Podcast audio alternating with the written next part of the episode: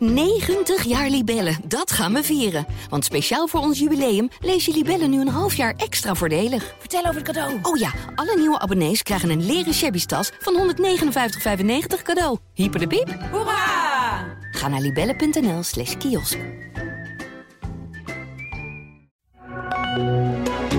Dit is de AD Voetbal Podcast met Etienne Verhoef. De top van de Eredivisie maakt geen fout. Onderin klontert het samen en Erik ten Hag pakt een prijs met United. Dit is de AD Voetbal Podcast van 27 februari met Sjoerd Mossou en Mikkel Schauka.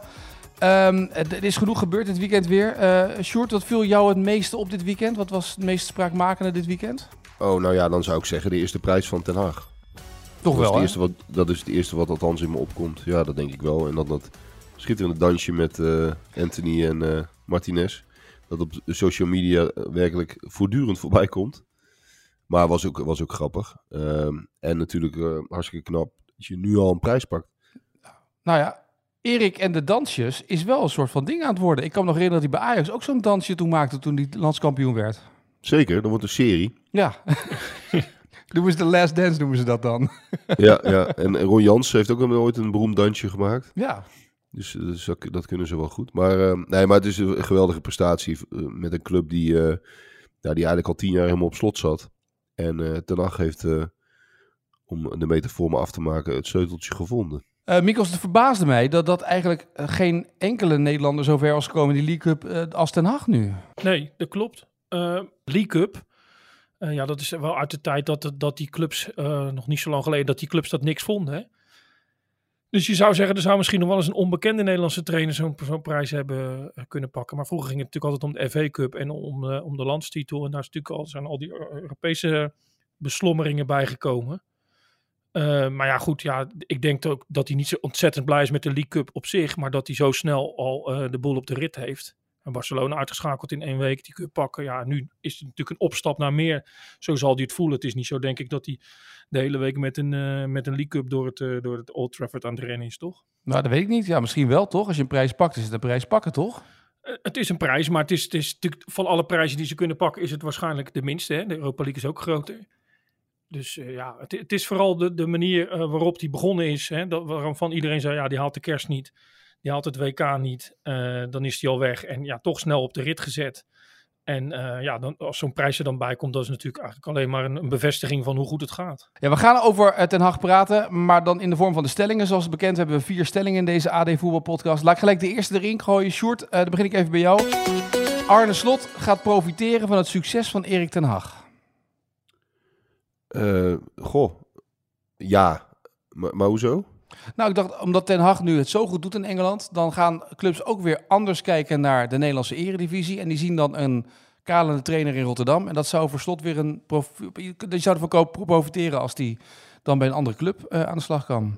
Die fiets, ja, nee, dat zou zeker kunnen. Um, je ziet dat vaker, hè? Dat, dat als een, bijvoorbeeld een Duitse of een Spaanse trainer heel succesvol is en, en liefst nog iemand in zijn kielzog, dan ontstaat er opeens een hype. Hè? Vroeger waren Nederlandse trainers heel populair. Heb je een periode gehad dat moest iedereen een Duitser hebben. Je hebt een periode gehad dat iedereen een Spaanstalige trainer wilde. Dus het zou best kunnen dat dat, dat, uh, dat, dat uh, slot helpt.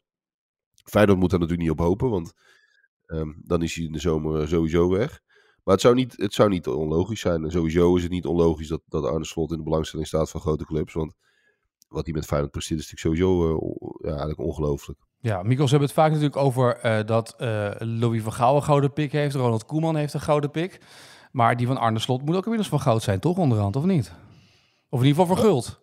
Um, ja, maar met gouden pik zeg je dat het altijd de goede kant op valt met enigszins uh, geluk. Maar daar was dit weekend toch niet echt Nee, dit weekend niet. Maar eigenlijk valt alles... Maar, maar het feit zeg maar, hoe het allemaal in elkaar valt... dat, dat heeft natuurlijk ook wel... Dat, het valt allemaal wel precies goed, toch, voor Feyenoord?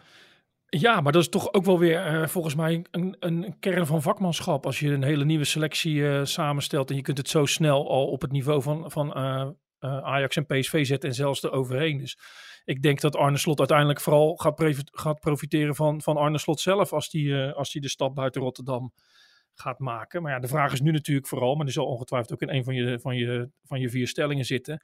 Ja, gaan ze dit volhouden? Want, het, want er is weer een wedstrijd weggestreept en, en je kunt er bijna nog twee wegstrepen nu. Groningen thuis, Volendam thuis. Ja, gaat Feyenoord dit, gaat dit volhouden? Is hij in staat om met deze ploeg die volledig nieuw is, die eh, niet op alle posities overloopt van kwaliteit. Hoewel sommige mensen zich daar heel boos om maken als je, als je dat zegt. Maar zijn die in staat om ook nu er zoveel druk op komt, druk van de landstitel, om dat eh, vol te blijven houden? Want ze spelen ook dit weekend geen fantastische wedstrijd, maar nog wel beter, denk ik, dan die wedstrijd die Ajax speelde. Nou ja, Sjoerd, geef eens antwoord op die vraag. Uh, houdt Feyenoord, het lijkt er wel op alsof Feyenoord dit toch vol weet te houden op de een of andere manier. Nou ja, ze zijn het meest constant. Dat, dat is heel duidelijk. In hun spel ook, hè? niet alleen in het resultaat. En uh, het is inderdaad de vraag of Feyenoord het vol gaat houden. Maar ik was vanmiddag bij Ajax in het, in het uh, Gelderdoom. En, en dan bij dat elftal krijg je toch ook niet de indruk dat hij een hele reeks van zeven, acht wedstrijden neer gaan zetten zometeen. Uh, dat kan me eigenlijk ook niet voorstellen. Dus nog los van eh, de vraag of Feyenoord al die wedstrijden weet te winnen, wat natuurlijk best wel moeilijk is. Um, heb ik ook wel mijn twijfels bij, bij de concurrentie eerlijk gezegd. Want die zijn ook, ook nog helemaal niet stabiel gebleken. En, en, en Feyenoord, uh, als je het afzet tegen die andere twee, natuurlijk juist wel. Ja, want dat is Mikkels toch een beetje het geheim van slot. Het is toch een hele stabiele selectie, een hele stabiele ploeg eigenlijk. Niet groot, maar wel stabiel. Nou, dat is het eigenlijk. Hè. Van al die nieuwe spelers hoor je, ja, zij komen binnen in een, in, een, uh, in duidelijkheid. Dus we, we, gaan zo voetballen, we gaan het zo doen, wordt er hun verteld. Uh, als je op die positie speelt, dan wordt dat en dat van je verwacht. Er wordt verwacht dat je zo fit bent, er wordt verwacht dat je zoveel uh, meters kunt afleggen, dat je zoveel sprints kunt, kunt afleggen in wedstrijden. Dus eigenlijk weet iedereen precies wat ze moeten doen. Dus op het moment dat Pietje wegvalt, dan komt Klaasje erin. En, en die is vaak niet veel minder of niet veel beter dan de speler ervoor. Maar die weet wel exact wat hij wat die moet doen. En ik ben het met Stuart eens hoor. En ik zat vandaag te denken, iedereen denkt natuurlijk dat het een, een, een, uh, ja, een zenuwslopende race tot de laatste wedstrijd van de competitie wordt. Maar ik zag Feyenoord winnen bij Fortuna. En toen zag ik Ajax spelen tegen Vitesse en die stonden gelijk. Ik dacht, stel je nou voor dat dit gelijk blijft. Dat was helemaal niet zo gek geweest. En dan is het over twee weken uh, Ajax-Feyenoord. En stel nou dat Feyenoord die wedstrijd wel wint. Omdat eigenlijk iedereen in Rotterdam die een beetje heeft weggestreept. Hè, de verliezen we altijd, dus die zullen wel verliezen. En dan staan we weer gelijk. Dan had het zomaar acht punten kunnen zijn acht punten met nog negen wedstrijden is het dan, geloof ik. Of nog minder, acht wedstrijden. Ja, dan kan het ook zomaar snel gedaan zijn. Het is natuurlijk een, een, een, een, het is een theorie, maar ik heb het gevoel dat iedereen denkt dat het tot de allerlaatste dag heel erg spannend gaat worden. Maar misschien valt dat wel mee. Ja, wie, wie houdt Feyenoord van de titel af, is eigenlijk de vraag, toch? Ja, ik denk dat het alleen nog tussen Feyenoord en Ajax gaat. Ja, en dan moet Ajax wel heel snel verbetering tonen, toch Sjoerd? Nee, precies. Wat ik net ook zei. Um, bij Ajax heb je absoluut nog niet, niet het idee dat ze in een, in een flow beginnen te komen. Dat, dat heb je aan het eind van zo'n competitie vaak een beetje nodig. Vaak ook de landstitels die Ajax haalde. Dan, dan zag je op een gegeven moment dat de puzzel in elkaar viel. En, um, en dan ging het lopen en, dan, en dan, dan bleven ze winnen, zeg maar. Dat was onder Frank de Boer, uh, is dat een paar keer geweest, maar zonder Ten Hag ook zo. En, en daar is nu eigenlijk nog helemaal geen sprake van. Ook, ook Heitinga, uh, het is ietsje verbeterd ten opzichte van, van Schreuder, maar ook Heitinga heeft de puzzel nog niet gelegd. Dus ja, ik kan me bijna niet voorstellen eh, dat, dat Ajax foutloos blijft in de komende weken. Dat, dat, daar heeft althans niets wijs daarop. Nee. Eh, als je terug gaat naar die stelling, hè, Arne Slot gaat profiteren van het succes van Ten Hag. Zijn Ten Hag en Slot nu de vaandeldragers van het Nederlandse trainerschilder, Sjoerd? Zeker, ja, tuurlijk. Ja, Ten Hag is natuurlijk sowieso. Hè. Kijk, uh, Feyenoord is internationaal gezien, speelt zich dat een beetje buiten het beeld van het grote publiek af. Dat zullen ze in de Kuip niet, misschien niet leuk vinden, maar er, zijn weinig mensen in het buitenland die de eredivisiestand continu bijhouden. Ten Hag doet het natuurlijk op, een, op, een veel, op, nou, op het grootst denkbare podium. En, en slot nog, nog een beetje in de relatieve schaduw van de Nederlandse competitie. Maar nee, daar kan geen discussie over zijn dat dit de twee trainers zijn die, uh, ja, die op dit moment uh, het meeste indruk maken. En allebei met, met heel herkenbaar voetbal. Uh, niet exact hetzelfde, maar er zitten wel, er zitten wel een aantal overeen, overeenkomsten in. En uh, ja, dat is mooi om te zien. En het zijn allebei trainers die, denk ik, heel duidelijk zijn. Die de lat voortdurend hoog leggen. Die, die, die weinig concessies doen aan, aan hun eigen uh, regels en uitgangspunten. En, en, daar, en daardoor heel dicht bij zichzelf kunnen blijven. Nou, en dan is, dan is Slot, denk ik, communicatief nog wat vaardiger dan, dan Ten Hag. En is Ten Hag misschien nog net iets meer de, ja, de tactische voetbalfreak dan, dan Arne Slot is. Maar het zijn allebei twee potentiële toptrainers. En daar moeten we ook hartstikke blij om zijn. Hè? Want hoe lang heeft het wel niet geduurd dat, dat er echt een, ja, een, trainer succesvol was in de Europese top. Een Nederlandse trainer. Dat is echt, uh, nou wat zal het zijn, uh, eh, 15 jaar of zo niet, niet voorgekomen bijna. Ja. Een enkele uitzondering daar later misschien. Mikos, als jij aan het begin van het seizoen een lijstje had moeten maken van welke prijzen pakt Erik ten Hag bij United, wat had je dan op het lijstje gezet?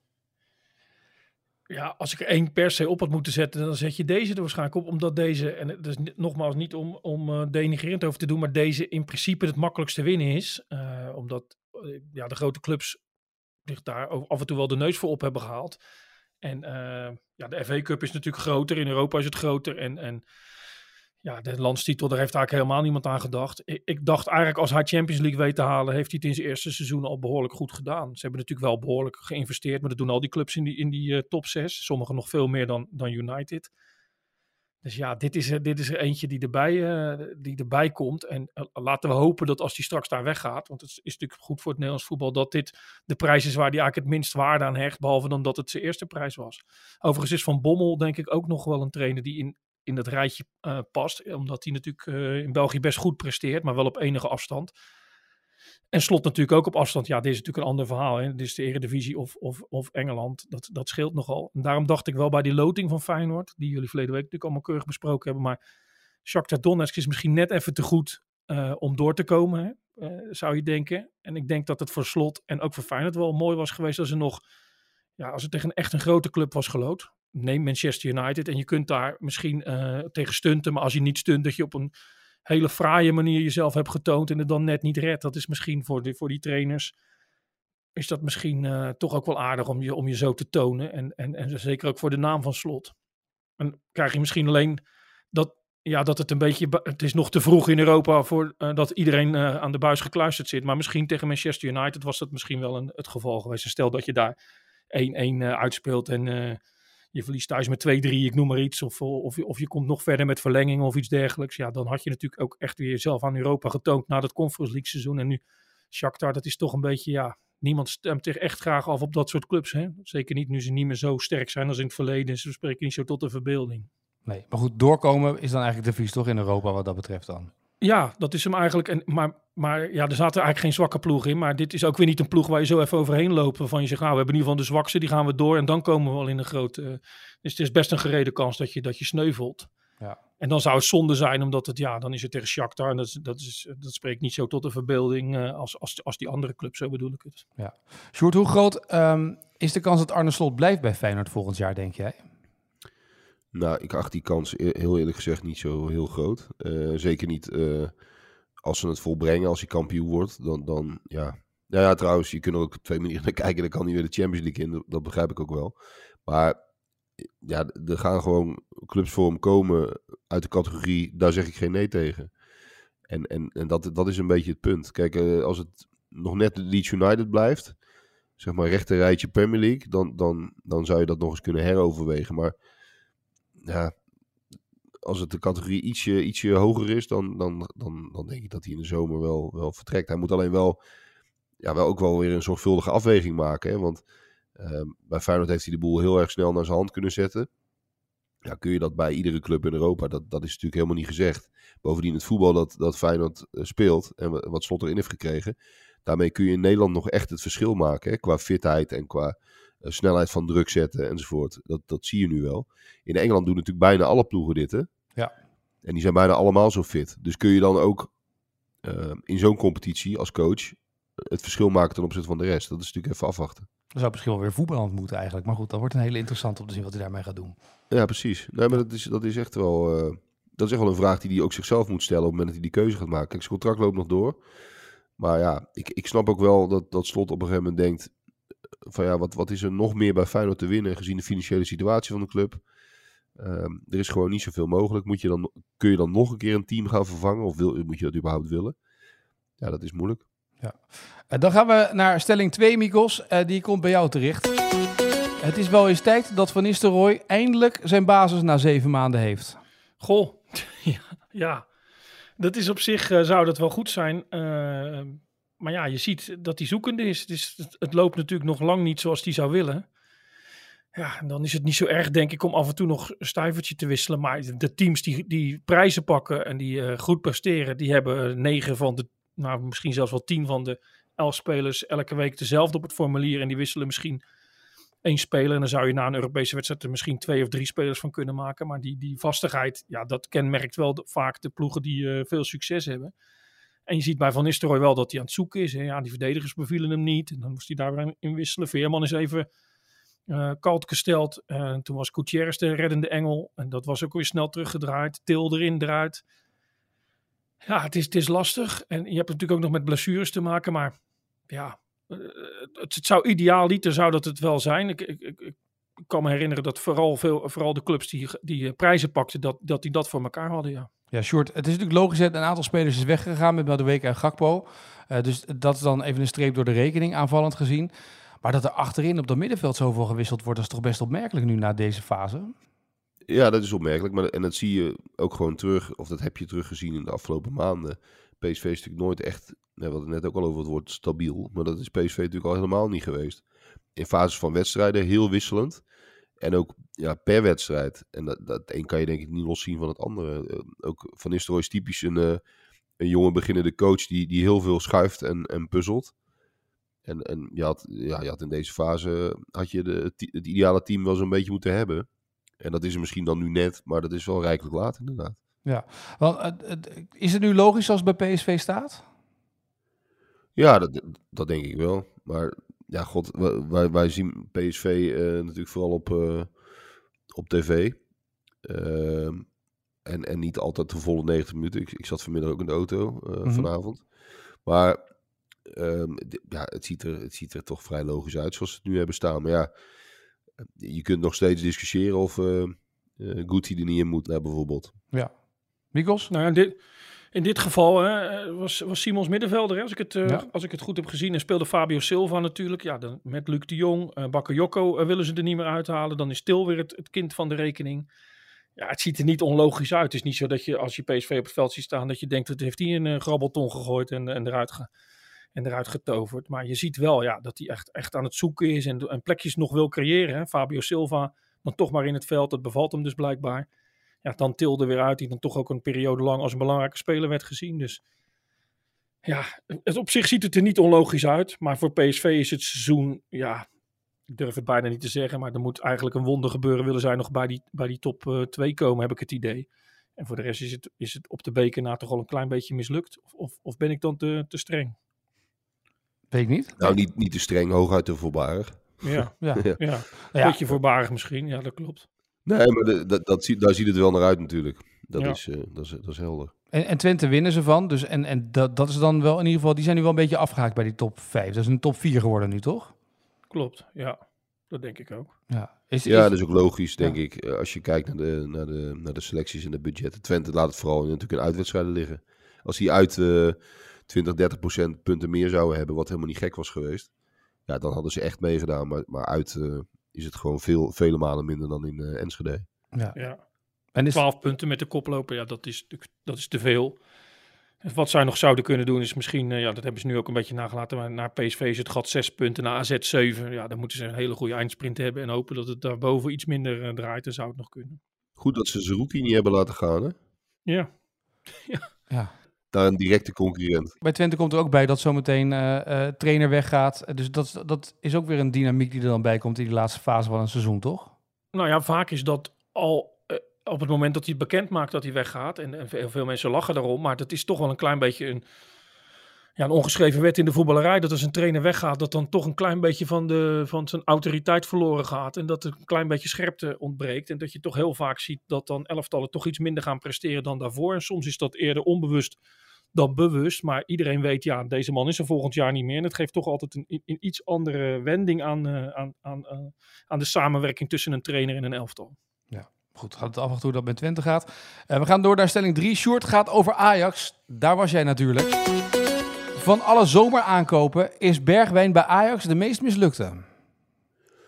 Um, ja, nou, afgezet tegen de, tegen de transfersom zeker. Um, je kunt, ja, de, kijk, de, de, de, je kunt erover discussiëren als je ze allemaal uh, erbij pakt. Uh, maar um, hij heeft 32 miljoen euro gekost. Dat is twee keer zoveel als uh, Soleimani. Weet je nog? Soleimani, ja. 16 miljoen. Ja. Dus dat is gigantisch veel meer. Um, ja, en het valt gewoon ongelooflijk tegen. bijna wekelijks. En hij staat toch alweer zes wedstrijden staat hij op zijn favoriete positie. Hè, eerst was het, ja, je moet maar geen rechts buiten zetten. Hè, dat snapt toch iedereen. Dat was een beetje de, de, de, de, wat, wat hij zei, hè, na, na het vertrek van, eh, van Schreuder. Ja. Ehm, en, maar als je er gewoon kritisch naar kijkt, heeft hij veruit de meeste, meeste wedstrijden op zijn eigen plek gespeeld. Ook onder Schreuder trouwens. Alleen in die laatste fase niet. En nu ook weer. En, en ja, hij, hij is amper gevaarlijk. En, en als hij gevaarlijk is, dan, dan is zijn afwerking dramatisch. Dus dat valt gewoon hartstikke tegen. Kijk, het is natuurlijk ook een speler die bij Oranje altijd het beste heeft gespeeld. Eh, met veel ruimte. en, Mhm. en, en dat type, zo'n type is hij ook. En eh, bij Ajax is dat moeilijker. Eh, Vitesse vanmiddag ook weer. Die, die graven zich natuurlijk in. En dan zijn de ruimtes klein. En, dan, en dat is niet het spel van, van Bergwijn. En dat- ja, dat is wel pijnlijk om te zien. Want ze hebben er een gigantisch bedrag voor betaald. Die transfer heeft, heeft ongeveer een jaar geduurd voordat hij eindelijk was, was afgerond. En hij moest er naar zou komen. Ja, en dan is het wel pijnlijk om te zien dat het, dat het er totaal niet uitkomt. En het is ook wel een beetje... Ik vind het ook af, af en toe wel een beetje irritant om naar te kijken hoor, moet ik eerlijk zeggen, eh, Bergwijn. Eh, altijd dat opgefokte bij die, bij die opstootjes. Ja. Hij is bij ieder opstootje is hij betrokken. En, en, en dan wel een beetje met die afgezakte kousjes. Dan vind ik afgezakte kousjes prima, maar het, het staat wel een beetje van... eh, Kijk, maar eens even de pseudo-vedette zijn. Nou, laat het, laat het dan ook zien, denk ik dan. Ja. En, en, dat, en dat gebeurt totaal niet. Dus dat, eh, en dat moet hij echt alleen maar zichzelf verwijten en helemaal niemand anders. Dus ook niet Alf- Alfred Schreuder. En, dan moet, en ook niet eh, de afgezakte kousjes natuurlijk. Het was maar even een voorbeeld. Maar het is, eh, het is gewoon veel te weinig. Maar dat geldt dus ook voor, voor meerdere aankopen. Daar moest ik wel even nadenken. Kijk, Wijndal is, is natuurlijk ook tot nu toe een zware, zware teleurstelling. Op beste linkerkant van Nederland, man. Van Europa misschien wel. Beste linkerkantje, ja. Ja. Ja, nee, ja, dat, dat- kijk, dat is een beetje naïeve, vrolijk. Ik vind het ook wel een grappige jongen. En die, die, die roept dan zoiets. En dat, daar, daar moet je ook een beetje om lachen. Dan moet je niet heel, heel zwaar of heel serieus maken. Want hij riep dat bij AZ ook wel eens, dat soort dingen. Mhm. Zit een beetje in zijn aard. Dus daar moet je hem nou niet, niet heel hard op afrekenen. Maar je, moet hem, je kunt hem wel afrekenen op zijn spel. En dat is echt, eh, dat is echt nog, nog veel te weinig. En, en defensief is hij zo ongelooflijk eh, kwetsbaar. Die mannenhoef van Vitesse, dat wist je van, dat is de beste speler. Dat is in ieder geval de snelste. Ja, die, die, die kreeg denk ik wel een, keer, een kans of vier. Dus hij had, had to- totaal geen grip op hem. En eh, dat, dat brengt Heidinga ook weer bij een, bij een probleem. Want in zijn eerste wedstrijd tegen Excelsior eh, was een van zijn eerste zetten was Tadic in de spit, spits, maar ook Bessie eruit. Hè? Ja. Dat was ook heel duidelijk een eerste signaal van de trainer van eh, ik, ik passeer Bessie, eh, de speler op wie natuurlijk ook veel kritiek was. Gelijk Wijndal erin. Ja, en nu kom je eigenlijk lang- langzaam tot de conclusie dat je, dat je die Bessie eigenlijk gewoon nodig hebt. Hè? Dat was vandaag in de rust ook. Hij bracht Bessie erin om iets meer controle te krijgen. En da- daardoor kon hij Alvarez natuurlijk op middenveld zetten. Maar ook defensieve controle, ook bij dode spelmomenten. En eh, ja, dat, dat, dat was, dat, toen stond het gelijk defensief een stuk beter. Dus ehm, het geeft maar aan dat ook Heitinga nog, nog echt aan het zoeken is naar wat nou de ideale formatie is. Kijk, ik snap allemaal wel dat, dat Bessie geen Beckenbauer is. En dat ze, dat ze dat bij Ajax allemaal maar een beetje een, eh, een onhandige knoest vinden. Maar, maar, maar tot, nu toe, tot nu toe hebben ze hem gewoon steeds nodig ook. Ja. En als je ziet wat een, wat een dode spelmomenten ze tegenkrijgen, Ajax, dat is ook nog zoiets. Je hebt hem ook misschien wel gewoon qua lengte en fysiek eh, nodig op bepaalde momenten. Dus dat wordt nog wel een, eh, wel een aardige, ik, de komende weken om dat een beetje op te lossen. En dat geldt Maar zo. toch, hè, ja. toch, toch dat van Wijndal is toch, het zegt ook iets over je zelfbeeld. Hè? Als je dus voor zoveel geld naar Ajax bent gegaan en je geeft dan een interview en het is ook nog Ajax TV en dat je dan, eh, ja, of je het nou vindt of niet, je zegt daar toch van ja, lekkerste kantje van Nederland, beste kantje. Het, het, het is toch wel apart als je zeg maar zo Het wordt verschrikkelijk... leuker als jij het zegt trouwens, Mikos. Het wordt- Nee, maar het is toch. Ja, ja. Maar het is toch. Als je, als je zo moeizaam bij Ajax bent begonnen. Hè, dat je, je deed te weinig. De vorige trainer stelde je niet op. Zelfs toen ze het helemaal niet meer wisten. Toen stelden ze hem ook niet op. En nu zie ik weer dat hij gewisseld werd. Volgens mij was hij ook niet helemaal fit. Maar eh, dat je dan toch denkt: van ja, ik ga daar zitten. En dan ga ik eens even zeggen dat wij de beste kant van, de linkerkant van Nederland hebben. Dat je dan niet ergens in je achterhoofd, ook al ben je jong en misschien een beetje bravoer. En denk je: ik speel bij Ajax. Dus ik kan nog wel wat meer roepen dan dat ik vroeger bij AZ deed. Maar dat je niet ergens een stemmetje in je achterhoofd hebt die zegt, joh, als jij dat roept, dan zegt natuurlijk heel Nederland, wat heb jij nou eigenlijk tot nu toe laten zien bij Ajax? En dan trekt hij Bergwijn erbij en dan gaat hij nog een vergelijking maken naar Europa. Precies in een week dat we Vinicius voorbij zien komen en eh, die Georgische jongen van Napoli met die moeilijke naam. Dat je dan, dat je dan niet denkt, van, ja, dat, dat moet ik daar helemaal niet zeggen. En als ik dan zo'n Hato in zie vallen, volgens mij, die is pas eh, 12 geloof ik, hè, als ik de Ajax-fans mag, mag geloven. Maar 16. uh, 16 jaar. Maar dat is wel een, een jongen waarvan ik denk, ja, die heeft Die zag ik ook bij Berlijn bijvoorbeeld mensen weghalen bij een vechtpartij. Of, of Ja. een, een dreigende vechtpartij. En dan dacht ik, nou, die zit, dat heeft hij in ieder geval al door. Als hij, dus zet hem nog eens voor een camera. Misschien roept hij ook geen gekke dingen. Hij heeft snelheid. Ja, soms gaat het in een stroomversnelling. En bij Ajax zijn ze nooit beroerd geweest om spelers van 16, 17, 18 jaar een kans te geven als ze echt heel goed zijn. Ja, dan zou je ook kunnen denken, joh, ja, waarom heb je eigenlijk uiteindelijk Wijndal gekocht? En, die zit daar dan vol bravoer van alles te verkondigen. En ik denk dat dit hem alleen maar verder terug heeft geworpen. Want ik ken ook nog wel wat, wat Ajax-fans. Ja, die, die vinden het altijd leuk als er op de borst wordt geklopt. Maar in deze fase waarin Ajax zo moeizaam presteert. Ja, helemaal niet. Overigens was Union Berlin tegen Bayern München. Het is wel Bayern München in de rust al 3-0. Hè? Want ik, ik las ook overal dat je niet van Union Berlin kon, kon winnen. Dat slaat natuurlijk ook nergens op. Maar dat het lastige ploeg is om tegen te spelen, Allah. Maar het was in de rust 3-0 tegen Bayern München. Toen heeft Bayern, die zijn allemaal op een lichtbed gaan liggen. En die hebben de tweede helft een beetje eh, uitgefietst. En die hebben die punten binnengehaald. Dus het wordt ook af en toe allemaal wel overdreven. Hè, als het de Ajax een keer niet lukt. En ja, daar werken die dingen die Wijndal roept ook, Wijndal roept ook niet aan mee. En ik denk dat die kans van Hato best wel snel kan komen. Waarom zou je het niet doen als trainer? Als die jongen fysiek in staat is om een hele wedstrijd in Ajax 1 te spelen. Waarom zou je niet wat, wat sneller gaan brengen? Hij heeft die snelheid. Ik denk dat hij geschikt is voor die plek. Short bovendien, eh, Bessie achterin zetten, levert ook op dat je Alvarez op het middenveld kan zetten. En dat lijkt Ajax ook wel steeds nodig te hebben. Want elke keer is het plakken en knippen in de rust door Alvarez door te schuiven naar het middenveld natuurlijk. Nee, precies. Dat, Ja. dat- die combinatie, dat bracht eigenlijk de overwinning. Ja, Want daarna eh, gaven ze niks meer weg. A, omdat, omdat Bessie verdedigend vrij sterk is. Maar ook omdat Alvarez die tweede bal allemaal oppakt. En dat gebeurde in de eerste helft helemaal niet. Dus, dus ze verloren de bal. En dan verloren ze ook nog vaak de tweede bal bij Ajax. Ja. Berghuis was trouwens ook dramatisch eh, tegen Vitesse. En, en dat, dat brengt Alvarez dan wel. Dus dan zie je gelijk dat, zoals de trainers dat zo mooi noemen, de balans veel beter is. Eh overigens, Wijndal werd ook wel gewoon gewisseld omdat hij zwak was hoor. Ik weet niet of hij Ja. ergens last van had, maar die, die werd ook wel echt heel opzichtig weggelopen af en toe. Hij had hem al veel eerder kunnen wisselen voor die... eh voor die ik zag hem op tv wel af en toe aan de zijkant komen en met een pijn vertrokken gezicht. Volgens mij werd hij ook nog even behandeld. En, en Leo Dries was commentator en die zei ook van nou, dit mag hij zich aanrekenen. En toen dacht ik heel even, eh, maar goed, jij bent er geweest. Ik, ik dacht even, hij is ook niet fit genoeg. Of zou je hem daarom in die laatste tien minuten wisselen? Maar. Maar, maar ja, ik denk dat je ook gelijk hebt dat, eh, dat ze ook gewoon niet tevreden over hem waren. Ook als je de reactie van, eh van Heitinga net zag. Het was Ja. niet heel streng, maar het was ook niet zo dat hij nou dacht van die ga ik eens even een, eh, een bescherming bieden.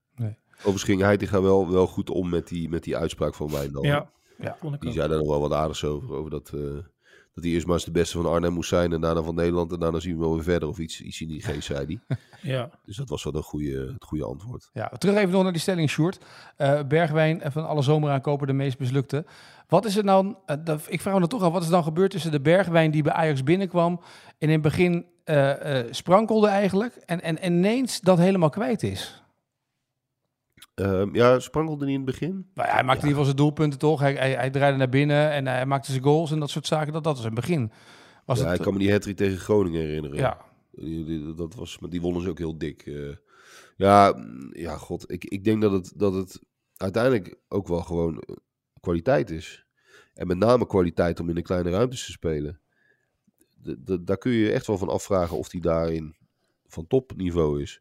Ik denk Ja. wel dat je hem heel goed kunt gebruiken als je, als je echt countert. Mhm. In een soort vrije rol. Eh, dat heeft hij natuurlijk met, vaak met Memphis ook hartstikke goed gedaan. Maar zoals Ajax speelt in de, in de eredivisie, en maar ook misschien wel in Europa, of tegen de ploeg als eh, Union. ehm, ja, dat is gewoon moeilijk voor hem. En, en ja, dat, dat maakt de, de, de, de prijs die ze voor hem betaald hebben natuurlijk wel, wel, eh, wel discutabel. We spraken hem toen in Zeist. Hè? En Toen, toen was eigenlijk zijn, zijn plan om, om Spurs te verlaten was eh, min of meer al genomen. Hè? Dus hij dacht ook wel dat hij naar Ajax zou gaan. En dat zei hij toen ook. Van, ja, eh, het, waren nog wel meer clubs, maar het ging hem om Ajax. En toen kwam het ook te sprake. Omdat hij zo goed presteerde bij Oranje om Memphis heen. Dat bij Spurs eh, ook genoeg ruimte is. Hè? Als hij inviel, had hij een paar goede invalbeurten. soms ook in de basis waarin hij de ruimte had. Ja, en bij Ajax is er natuurlijk gewoon ontzettend weinig ruimte. Hè? Dus, dus de buitenspelers staan diep, spits staat diep. Nou, als hij zelf al zegt, rechtsbuiten vind ik niks. eh, dan is, houdt eigenlijk in dat hij alleen nog op linksbuiten kan spelen. Je zou hem nog in de spits kunnen zetten. Maar het leek wel of daar dan toch niet zo goed over na is gedacht. Dat je dan- zelf, maar ook Ajax, niet zo goed kunt inschatten dat deze speler eh, waarschijnlijk eh, niet de meest geschikte is om in een, een 3-4-mans aanval, hè, als je de, de diepe middenvelden erbij telt, om daarin te spelen. Dat is toch eigenlijk wel verrassend. En op dat moment werden die vragen ook gesteld. En dan later denk je, ja, nou ja, in de Eredivisie het zal allemaal wel goed zijn. Dan kapt hij die bek van Groningen of van Emmen een paar keer uit. En heeft hij wat minder ruimte en dan jast hij hem ook nog wel in de verre hoek. Maar ja, je ziet toch dat, dat hem dat, hem dat uh, partner speelt. En ik denk dat Sjoerd dan wel gelijk heeft als hij zegt, ja, dat het toch in die kleine ruimte, dat hij daar net te weinig uh, kwaliteit voor heeft. En dat hij gewoon ruimte nodig heeft. Maar die gaat hij bij Ajax nu niet krijgen, maar ook volgend jaar niet. En, en het jaar erop niet. Ajax zal altijd zo spelen zoals ze nu doen, dus ver naar voren. Dus ik denk toch dat het wel een, uh, een probleem is voor, wat was het, Sjoerd? 32 miljoen, zei je?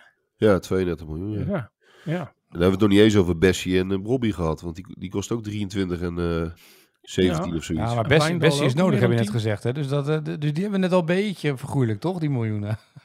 Wat, van Bessie? Ja. Ja, Ja. Nou Ja. nou ja, vooruit. Ik vind 23 miljoen nog steeds best veel, maar... Goed. Nee, maar die, die, eh, die kunnen ze defensief eh, af en toe natuurlijk, natuurlijk gebruiken. Maar dat komt ook omdat ze verder helemaal niet zo'n type hebben. Nee. Nee. De Turkse jongen was natuurlijk wel een veelbelovende speler, als ik, als ik het moest geloven. Maar ja, die heeft natuurlijk veel pech gehad met zijn, eh, met zijn blessures achterin. Ja. Met jullie welnemen gaan we naar de laatste stelling van deze podcast. En die heeft alles te maken met wat we in Eindhoven zagen. Dit weekend bijvoorbeeld ook wel weer zagen in de Portugese competitie. Daarom is de volgende stelling 4. Eh Mikos, begin ik bij jou.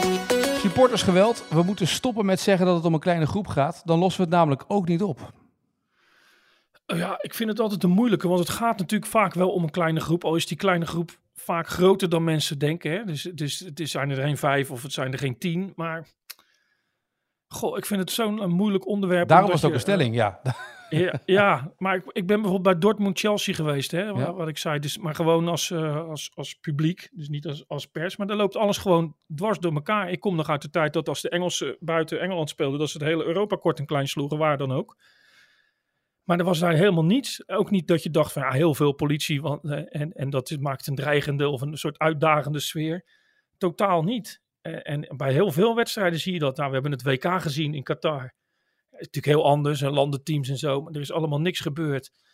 Ja, hier zie je natuurlijk wel rare excessen, maar niet alleen hier, maar ook in Frankrijk. Jij noemt nu Portugal, dat is me even ontgaan, maar Schmid, Roger Schmid is bekogeld Oh, ja, ja, flesje. tuurlijk, ja, ja, het teruggegooid. Ja, dus ja.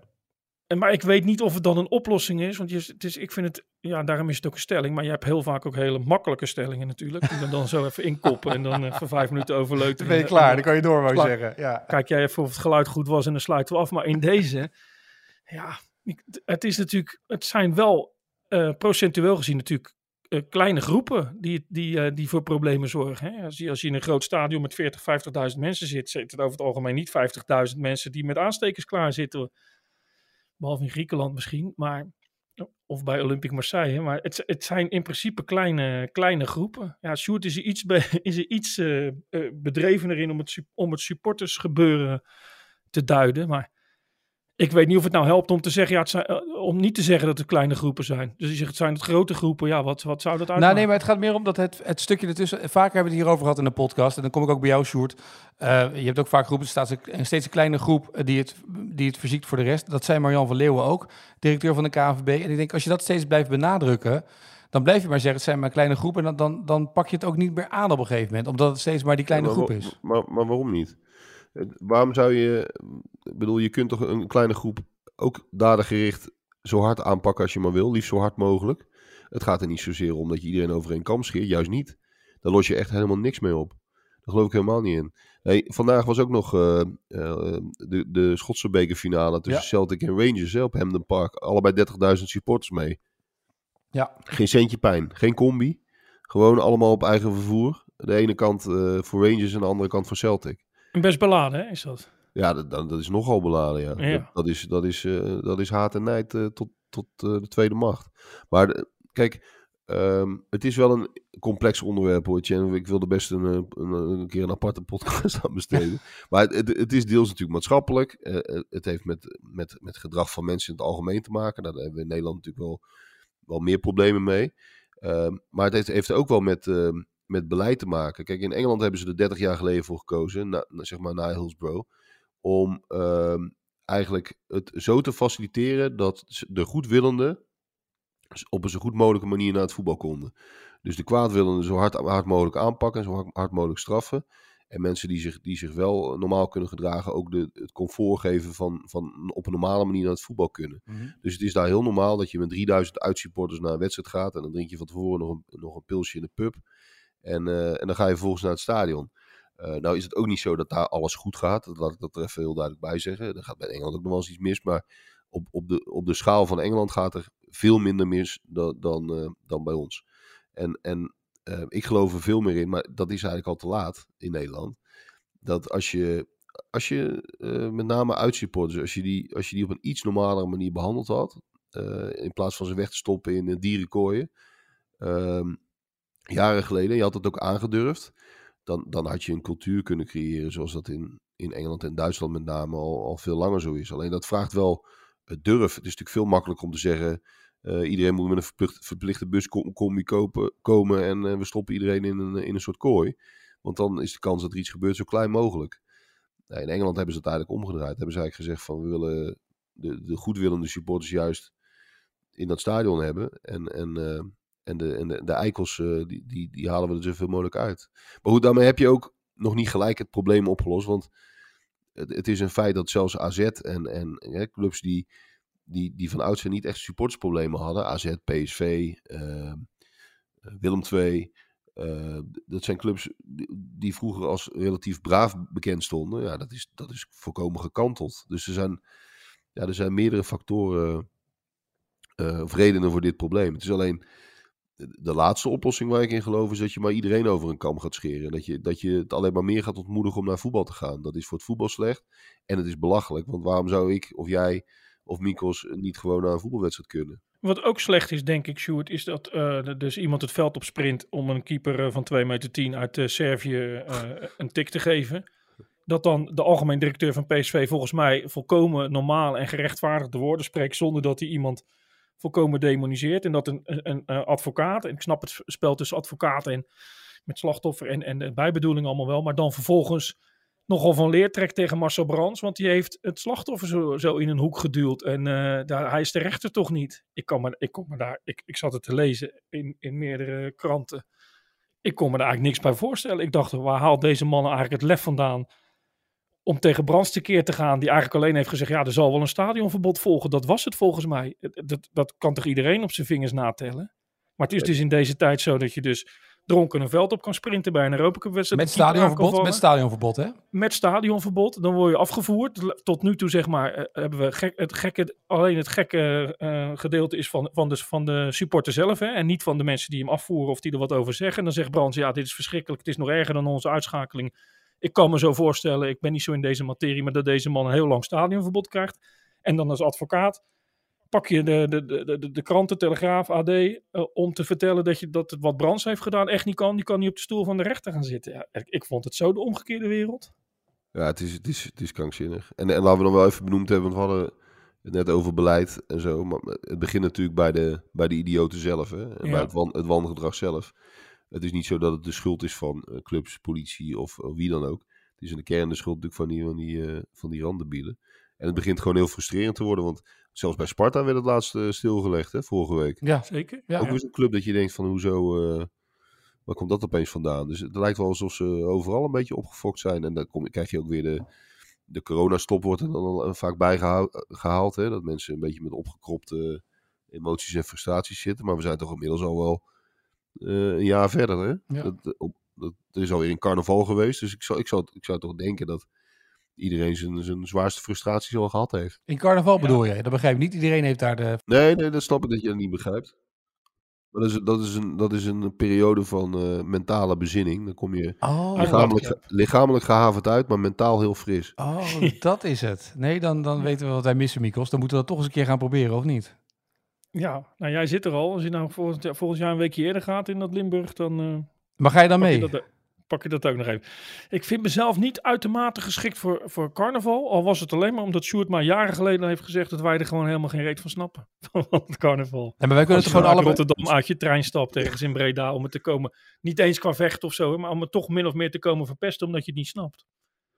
Oh, Goede samenvatting. oh. Ja, Ik- En ik vind jou ook niet echt een type voor carnaval. Maar moeten we Nee. ook lekker, lekker zo houden. Oh, Ja. oké. nou, bij, deze, Of, eh, bij deze ben je weer geholpen, anders zijn ze meteen... Overigens ben ik verder best gezellig hoor. Want mensen Ja. die dan luisteren, die denken, ja, maar wat, het, dit is nou ongeveer de wekelijkse, word ik natuurlijk neergezet als, eh ja, nou, even zo- houdt niet van carnaval dat en valt wil wel dat mee, niet. En eh, geen Polonaise en een Tial vindt hij gek en eh, weet ik het wat allemaal. Nee. pakken vind je leuk, dat, daar ben je fan van. Dus dat, dat Ja, valt wel mee, toch? Ja. nee, dat valt allemaal best mee. Ja. Maar ja, ja, je moet het ook niet per se op willen eisen. Zo, De mensen zijn daar hartstikke enthousiast over en, en wij soms iets minder. Dus eh, la- laat het zo. Mooi. Nou, met eh, die woorden gaan we richting de vraag van De vandaag. vraag van vandaag. Eh, en de vraag van vandaag, eh, die was afgelopen vrijdag eh, van Sjoerd. Dus Mikkels, jij moet hem beantwoorden. Dan weet je dat alvast. En hier komt de vraag. Was niet heel moeilijk hoor, trouwens. John Motson was wereldberoemd, eh, zeker in Engeland, om een kledingstuk. En de vraag is natuurlijk welk kledingstuk. En dan wil ik niet alleen het kledingstuk zelf, maar ook de, de, de specifieke stof waarin die, eh, dat kledingstuk werd eh, gemaakt. En dat, dat, is, eh, dat lijkt heel obscuur, maar daar is Motson echt heel bekend om. Nou, Ja, dan denk ik aan een kilt. Of niet? Sjoerd? Nee, het is, ja, nee, het is geen kilt. Nee. Het, het is zo'n hele lange jas Oh, van schaapswol. Hij Oh. droeg altijd van die heel- hele grote, best wel lelijke, eh, lange winterjassen eh, van schaapsleer. En aan de binnenkant was het dan van schaapswol, geloof ik. Eh, sheepskin coats noemden ze dat in Engeland. En daar stond hij, daar, hij, is, hij is beroemd mede door, door een foto in de sneeuw. Die ken je waarschijnlijk wel. Ja, ja, ja, ja. Heel vaak voorbij. Daar heeft hij die jas aan. En dat werd op een gegeven moment zijn handelsmerk. Dus hij heeft jarenlang die, die jassen gedragen. Ja, ik vond het ook mooi dat Leen Peters had op Twitter al een foto naar ons gestuurd. En die zei ik erbij komende zondag, dat is dus vandaag, zullen eenzelfde jas en een microfoon liggen op de gebruikelijke commentaarpositie van John Motson op Wembley. Ja, het is toch mooi dat dat, dan, eh, dat dat soort tradities in ere worden gehouden. Oh, daar lag hij er? Die Ja. jas? Ja, dat, eh, dat eh, kondigde hij aan. Ik heb het niet gezien Oh, hoor, mooi. maar dat werd wel van tevoren aangekondigd.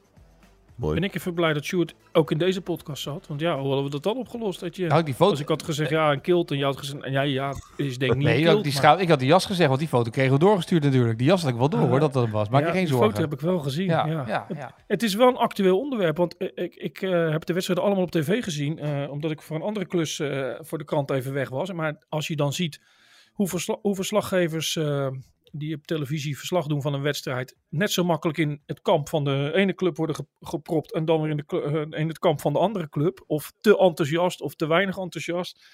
Ik zag dat Everton Napel ook allemaal niet meer kon. En, eh, Ragnar Niemeyer was geloof ik niet enthousiast genoeg geweest over een doelpunt. Terwijl het, het is allemaal niet meer zo makkelijk, maar je moet dus de onpartijdigheid uitstralen. Nou ja, van de, als je op het ene moment wordt in een Ajax-kamp wordt gepropt en de andere kant in het Ajax-haatkamp, ja, hoe doe je dat dan nog? Doe je het misschien dan juist wel goed?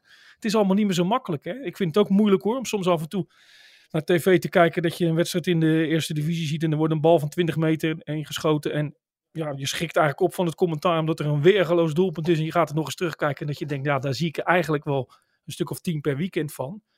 Dus dan zijn mensen weer overenthousiast. En die Motsen was natuurlijk wel echt, ja, die was er wel echt voor, voor gemaakt om het op, op die manier te doen. Maar het is allemaal wel moeilijker geworden, denk ik. Je moet heel enthousiast zijn. Maar ik vind vaak te, te enthousiast vind ik weer irritant. En dat hebben andere mensen waarschijnlijk ook nog. En die onpartijdigheid, dat is ook wel een, eh, een puntje, denk ik. Ja, Zoals daar, ook kom je Mario- nooit, daar kom je nooit uit, denk ik. Nee. Die Nee. Leo Driessen was vorige week nog voor Ajax. En Ja. deze week was die, was die anti-Ajax. Ja, het is allemaal...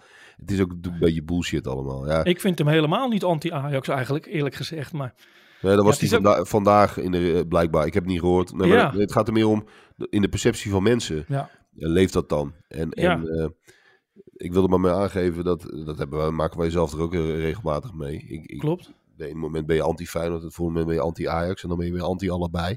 Ja. En dat is ook, ja, dat is onderdeel van, van de folklore, toch? Ik vind wel mooi dat Mario Been Feyenoord nog als wij en we aan, eh, als hij erover praat. Dat viel mij ook Ja, op, ja. ja. Ja, dat vind ik toch wel, toch wel mooi. Het is ten eerste natuurlijk, eh, ja, iedereen weet natuurlijk dat hij voor Feyenoord is, maar eigenlijk zou hij dus dat weg moeten laten nemen in, de, in die functie die hij heeft. Maar zo, ja, hij, hij spreekt echt over opluchting. Hè? Ja, die bal ging er gelukkig niet in. En eh, ja, we staan 3-0 voor. Ik vond, ik vond het ook wel weer mooi. Maar ik kan me ook wel weer voorstellen dat mensen daar misschien, ja, als je voor Fortuna bent en je kijkt halverwege naar de analyse, dat je dat misschien vervelend vindt. Aan de andere kant weet je het, ja, als je Mario Been op Feyenoord zet, als, als televisiezender, ja, zou, moet hij dan in één keer heel part- onpartijdig zijn? Dat is bijna niet te doen natuurlijk. Nee, maar plu- plus dat als, als ik noem maar wat, Ronald de Boer of uh, Marciano Vink op dezelfde manier over Ajax zouden praten, dan zou bij wijze van spreken Nederland te klein zijn. Ja, ja, Ja. Maar die hebben weer meer. De spelers die bij Ajax hebben gespeeld en, en analyses doen. Die geven soms commentaar bij, laten we zeggen, Pek Zwolle tegen Heracles. Maar die hebben dan in de derde zin, relateren ze het alweer aan Ajax. Dus dan krijg je heel vaak... Ja, nee, maar als je dat bijvoorbeeld de opbouw Ajax ziet. Of uh, ja, zoals we dat ooit bij Ajax deden. Of heel vaak wordt dan Ajax een beetje als, als, als leidraad genomen. De norm Ja, der dingen. Ja, ja, ja, ja, Ja. En bij Mario Been weten we natuurlijk allemaal, ja... Die is voor Feyenoord. Ik heb hem ook wel eens op de perstribune met gebalde vuist naar voren zien zitten toen er een, een balletje invloog. Ja. ja, neem het dan maar op de koop toe, hè, zou ik zeggen. Ja. Eh, tot slot, Mikos, wil jij dan de vraag eh, voor morgen erin gooien? Ja, eh, Duarte was de eerste geboren Rotterdammer met een eredivisie-doelpunt tegen Feyenoord sinds puntje, puntje, puntje. Op 2, na- 2 mei 2021, hij is snel terug te vinden, was er een andere Rotterdammer die namens een andere club tegen Feyenoord scoorde. Dus Duarte namens Fortuna, maar wie was die andere speler, de laatste speler voor Duarte, als echte Rotterdammer scoorde tegen Feyenoord? Nou, vind ik een mooie vraag. Om morgen mee aan de slag te gaan. Morgen een nieuwe AD Voetbalpodcast. Gaan we alle actualiteiten en voetbalzaken bespreken. Mikos en uh, Sjoerd, dank en een mooie dag. Ja,